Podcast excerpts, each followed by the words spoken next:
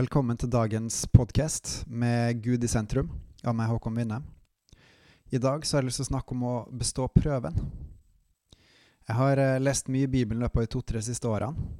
Eh, og det er ei bok som har vært et svart hull for meg en god stund, og det er andre Korinterbrev.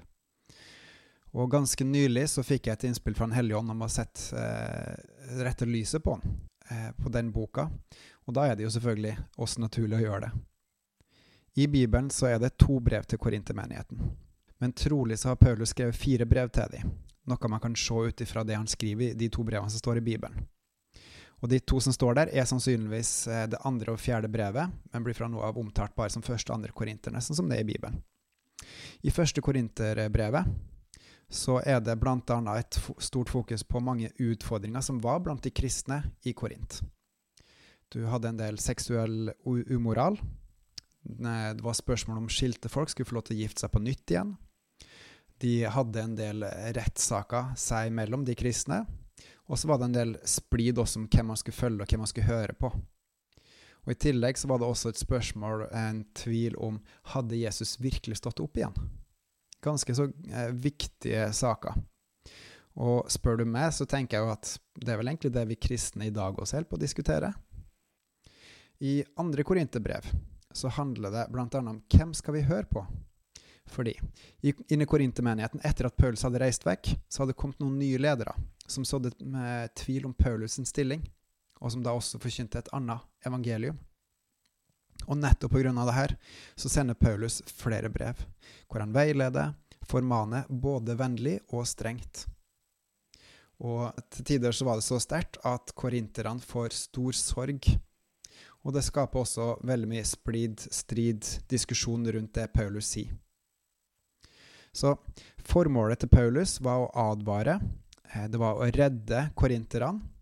Det var å få dem til å skjønne alvoret, og få dem til å vokse, og også være med på å støtte og bygge opp. Gjennom brevet så poengteres det at Gud gir trøst og retning.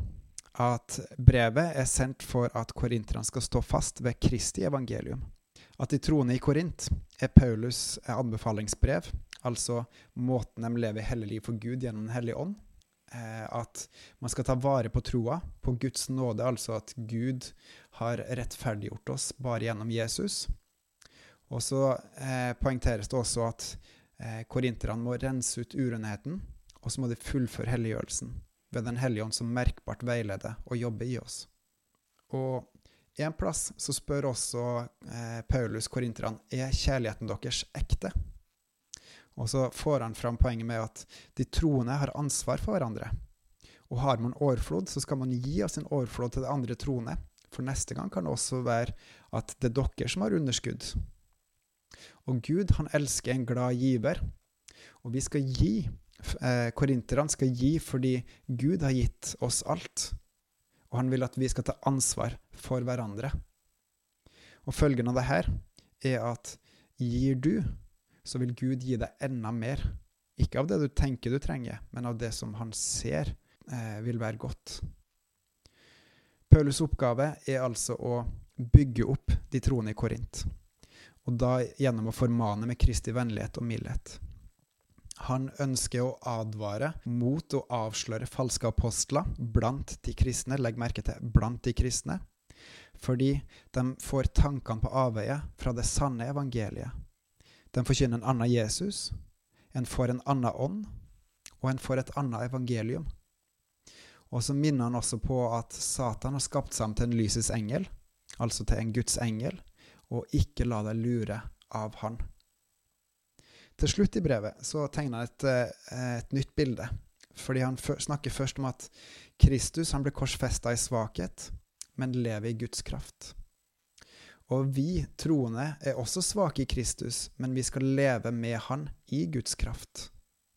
Og derfor, prøv dere sjøl i troa, sier han.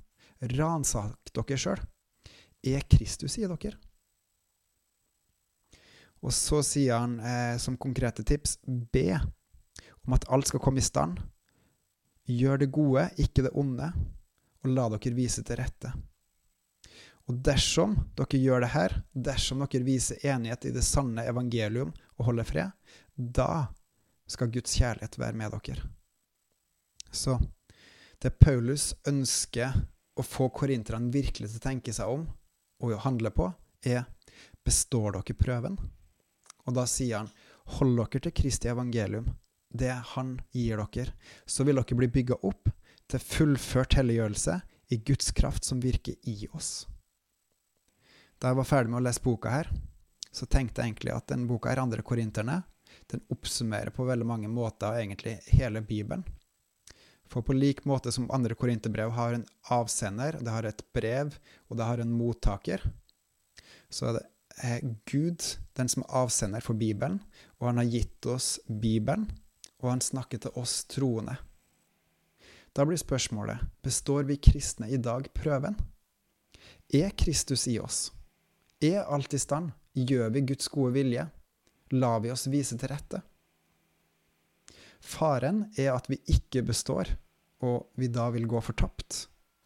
Lønna er at vi kjenner Gud, at Hans kraft bor i oss, at flere vil bli kjent med Gud og bli Hans disipler. Dagens utfordring er består du prøven? Bor Kristus i deg? Bor han i oss? Hvis du er usikker, eller du tenker nei, så anbefaler jeg å lese 2. Korinterne kapittel 13, og se hva du kan be og gjøre, og Gud vil gjøre i deg, i oss. Og så tenker jeg som en superviktig bit, en beskjed fra Gud, så er det også viktig å ta med seg 2. Korinterne kapittel 1 vers 20 og 21, og vite at Gud, han har kontroll. Følg han. På gjensyn.